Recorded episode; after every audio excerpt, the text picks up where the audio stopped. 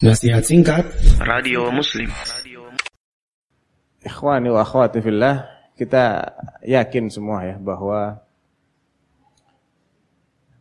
ketika kita mengatakan mengucapkan dua kalimat syahadat dengan segala konsekuensinya, maka di antara konsekuensi tadi adalah Allah akan meminta pembuktian dari pernyataan kita bahwa kita telah beriman kepadanya.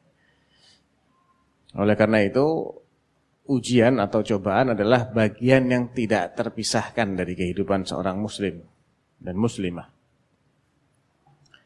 Dan ujian ataupun cobaan dari Allah Subhanahu wa taala tadi sejatinya adalah bukan karena Allah ingin menyusahkan kita, bukan karena Allah ingin Eh, kita ini kesakitan ya, atau kita ini sedih, dirundung, gundah gulana, bukan.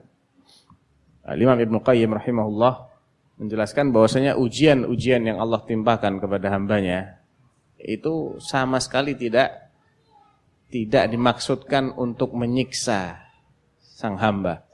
Ya, akan tetapi maksud utama dari tujuan itu adalah membuktikan. Karena iman ini perlu pembuktian. Dan itu juga sudah menjadi sunnatullah yang berlaku untuk semua orang yang yang mengaku beriman. Ranking satu yang paling besar ujiannya adalah para nabi. Makanya Rasulullah mengatakan asyaddun nasi bala'an al-anbiya thumma al-amthalu fal-amthal. Manusia yang paling berat ujiannya adalah para nabi. Kemudian yang paling mendekati para nabi dan seterusnya secara urut. Ya. Makin kuat dan baik kadar keimanan seseorang maka ujiannya juga akan makin berat. Maka dari sisi ini beratnya ujian itu merupakan pertanda sebetulnya Selama ujian yang dimaksud di sini bukan ujian yang murni uh, berkaitan dengan kelemahan dalam beragama. Ya, karena kita harus bedakan ujian mana yang merupakan pertanda bahwa kita ini orang yang baik agamanya dengan ujian mana yang justru menunjukkan kalau kita ini orang yang tidak baik agamanya. Dan cara membedakannya mudah.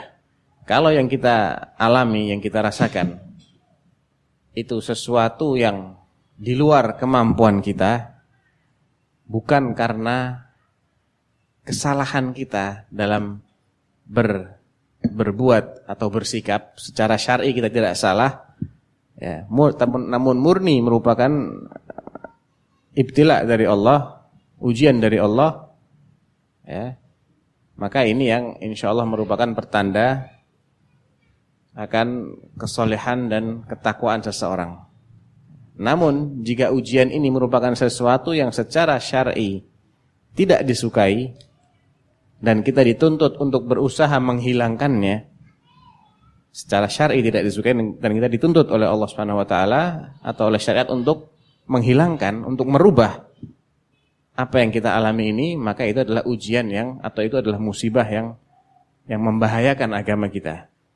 Sebagai contoh soal adalah musibah yang membahayakan ini seperti orang yang tidak istiqomah dalam beragama. Tidak istiqomah dalam menjalankan perintah Allah Subhanahu wa taala. Yang wajib hal-hal yang sifatnya wajib masih suka ditinggalkan. Ini ini sebetulnya musibah. Ya, musibah ini. Akan tapi bukan musibah seperti ini yang berbanding lurus dengan kecintaan Allah kepada sang hamba tentunya. Ya. Lain halnya bila seseorang diberi ujian ketika dia ber, bersikap taat, dia mendapatkan kritikan dari kanan kiri. Dimusuhi. Semata-mata karena dia menjalankan agamanya.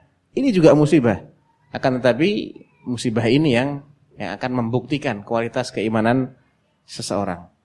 akan berbanding lurus dengan apabila dia mampu melewati ujian ini dengan baik dan benar, ya, tidak menjadikan dia kendor, futur dalam beragama atau bahkan naudzubillah sampai berbalik ya, meninggalkan apa yang Allah perintahkan karena tidak kuat dengan cibiran orang lain, maka ketika itulah baru ujian ini menjadi uh, musibah yang benar bagi dia, musibah yang benar-benar mencelakakan dia. Akan tapi ketika dia bisa melalui ujian ini dengan tetap istiqomah, maka itu yang akan mengangkat derajatnya, menjadikan dia semakin dicintai dan dekat oleh Allah Subhanahu wa taala.